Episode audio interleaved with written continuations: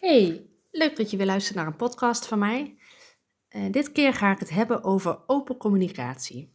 En met open communicatie bedoel ik communicatie die soepel verloopt en die prettig aanvoelt voor iedereen die erbij betrokken is. En misschien herken je het uh, zelf ook wel, dat je een gesprek niet prettig vindt doordat je je bijvoorbeeld veroordeeld voelt of heel erg overruled door de ander. En dat er te weinig uh, ruimte was voor jouw input, voor jouw gevoel bijvoorbeeld. Of je denkt zelf achteraf van, goh, hmm, ik heb het toch vooral over mezelf gehad weer en weinig interesse getoond voor die ander. Of ik schoot vanuit mijn goede bedoelingen toch weer heel erg in het geven van adviezen, waar die ander eigenlijk helemaal niet uh, op zat te wachten, zo leek het. En uh, dit kan zorgen voor kleine irritaties onderling, uh, maar kan natuurlijk ook voor echte conflicten uh, zorgen, die zich soms ja, tot heel groot kunnen opbouwen uit dit soort onhandigheidjes in de communicatie. Um, ja, als je dit wil voorkomen, of ook als er al een conflict speelt, of je vindt de communicatie of de samenwerking met iemand gewoon niet zo lekker lopen, dan is het belangrijk om te leren communiceren vanuit nieuwsgierigheid en zonder oordeel.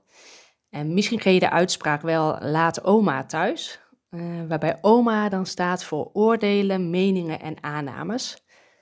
Of je kent uh, de afkorting Anna, uh, dat is ook zo'n handig ezelsbruggetje. En dat staat voor altijd navragen, nooit aannemen. Of Nivea, nog een bekende, niet invullen voor een ander.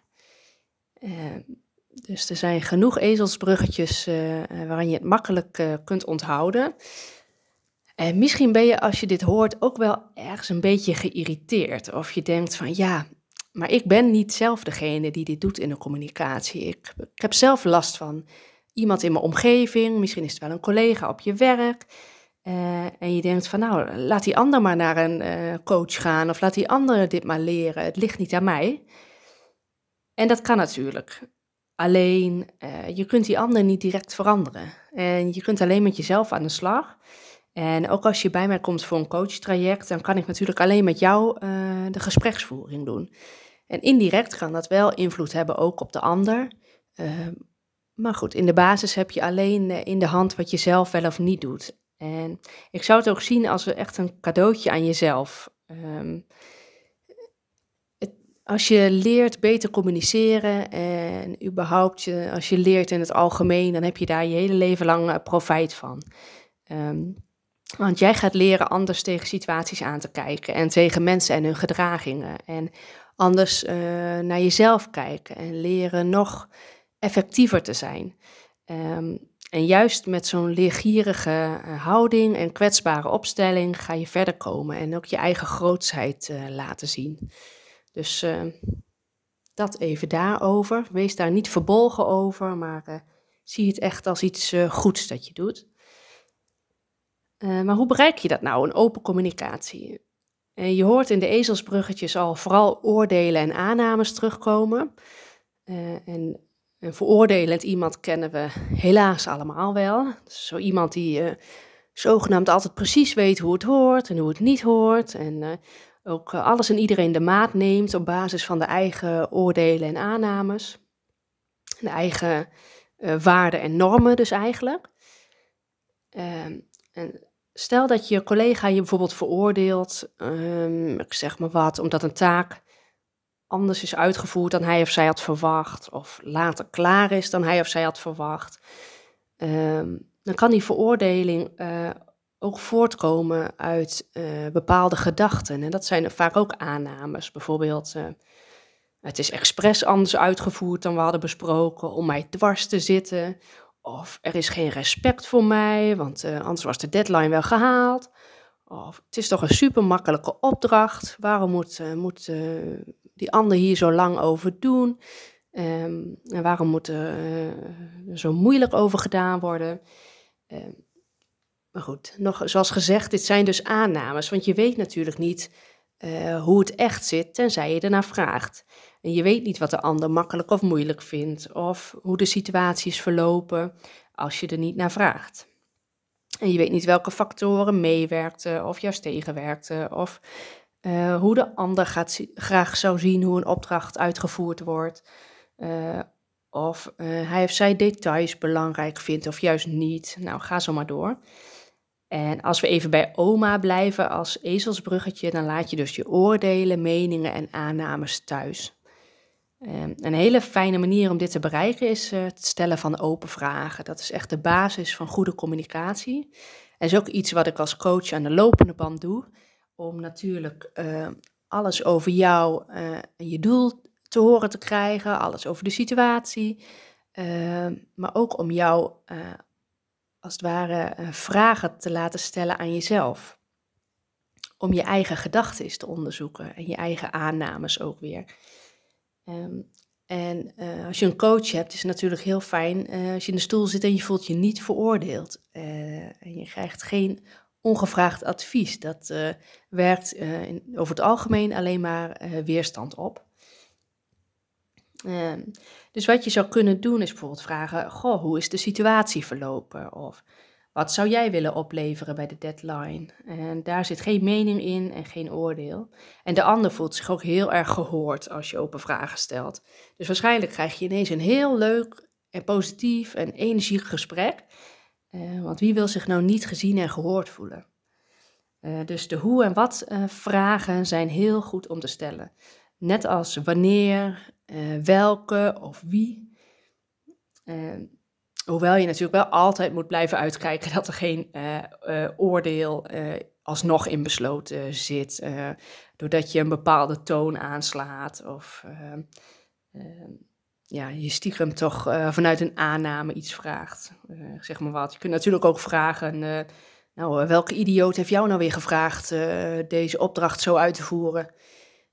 Ja, dan begin je de vraag wel met welke, maar je kunt je er iets bij voorstellen dat de ander het niet een hele fijne vraag vindt. En dat je ook geen uh, nieuwsgierigheid en openheid laat zien. Uh, of uh, bijvoorbeeld, wie heeft dit nou weer op papier gezet? Nou ja, de toon en, en, en toch de aanname die je alsnog uitspreekt, dat is niet de manier. Maar dat snap je zelf ook wel. Mm. En een andere belangrijke valkuil is nog de waarom-vraag. Uh, die is vaak uh, ook heel goed bedoeld, maar in waarom zit ook nog een oordeel vaak besloten. Um, denk maar aan uh, waarom heb je dit zo aangepakt? Je zou kunnen denken van ik stel nu een hele nieuwsgierige vraag, ehm, maar er ligt altijd iets in besloten van je had dit anders moeten doen. En hoezo of waarom is dit zo gebeurd? Dus, het is geen prettige vraag om te krijgen vaak. Het is een beetje tricky.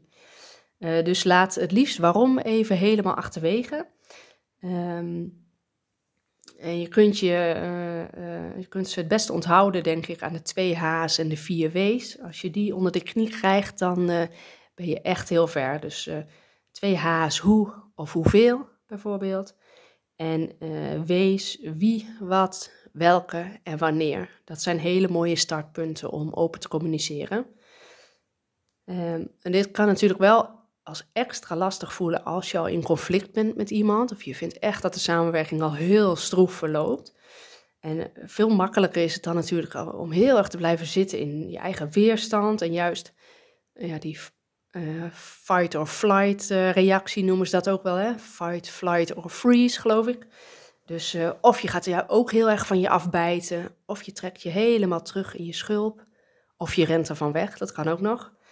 Um, um, maar je kunt je er iets bij voorstellen dat als jij ook heel erg van je af gaat bijten, dat het alleen maar olie op het vuur is. Uh, en niets is zo ontwapenend als dan uh, het stellen van open vragen. En het voelt natuurlijk vaak wel heel kwetsbaar. En helaas zijn er nog best wel veel mensen die kwetsbaarheid en aardigheid zien als, uh, uh, als een zwakte eigenlijk. Uh, maar je zult zien hoe de ander ontdooit als je dit gaat doen.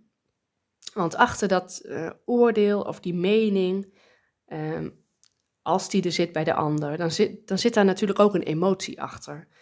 Um, en als die op tafel komt en die ander voelt zich echt gehoord ook door jou, pas dan kan het conflict echt opgelost worden. Um, en anders blijft het zo'n sluimerend uh, gevoel uh, uh, vlak onder de oppervlakte. Eigenlijk de, de communicatie onder tafel, die niet echt uitgesproken wordt, dan blijft dat maar hangen daar en dan komt het niet aan het licht. Ehm, dus ik wil je uitdagen om het toch echt te proberen. En je zou ook thuis eens kunnen beginnen als je het op, het, op je werk nog een beetje te spannend vindt. En kan me bijvoorbeeld ook goed voorstellen dat het werkt als je uh, als het even met je partner niet zo lekker loopt, of je bent uh, aan het kibbelen, of je hebt echt een ruzie met elkaar. of als je bijvoorbeeld pubers in huis hebt. Ehm, ik heb zelf geen puber in huis, maar wel een peuterpuber van drie jaar. Die ook de hele dag zelfstandig wil zijn en best wel boos en geïrriteerd kan zijn. Um, en als ik bijvoorbeeld vraag van, nou, of als ik zeg van doe je gimpen maar aan, dan kan hij heel boos zijn, want hij wil natuurlijk zelf bepalen welke schoenen hij aandoet. Als ik dus vraag welke schoenen wil je aan, dan krijg ik een hele andere reactie. En de uitkomst is eigenlijk hetzelfde, want hij trekt gewoon zijn schoenen aan en uh, we kunnen naar buiten. Dus dat is, uh, het doel is dan bereikt maar op een hele fijne manier. Um, en ook bij grote pubers kan ik me voorstellen dat ze helemaal niet meer zitten te wachten natuurlijk op de mening van hun ouders of uh, te veel bemoeizucht. Uh, en bij een open vraag kunnen ze zelf bepalen wat ze wel en niet vertellen. Um, en ze voelen zich niet veroordeeld of onbegrepen. En je bent niks voor ze aan het invullen.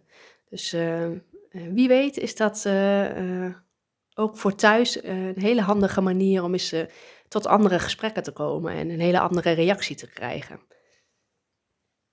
Dus nou, hiermee wil ik ermee afsluiten. Wil je meer horen of lezen, kijk dan even op mijn website duwtjekuiper.nl of stel je coachvraag vrijblijvend aan mij via mailtje, appje of bel me even. Ik hoop dat je hier weer iets aan hebt gehad. Doei doei!